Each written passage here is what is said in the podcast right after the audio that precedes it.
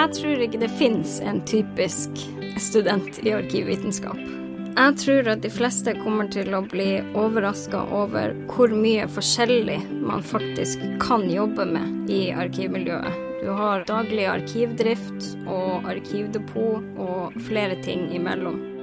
Studiet har jo gitt meg en basiskunnskap som jeg har kunnet bygd videre på i løpet av min tid som arkivar hittil. Hovedoppgavene mine er ordning, registrering og avlevering av analoge arkiver, altså avslutta arkiver fra forvaltninga. I tillegg så jobber jeg med å ordne elektroniske uttrekk, som er en dump fra en database. I arbeidet med elektroniske uttrekk så får jeg god bruk for det vi lærte i de tekniske fagene på arkivstudiet. Samfunnet blir jo mer og mer digitalt, også arkivforvaltninga.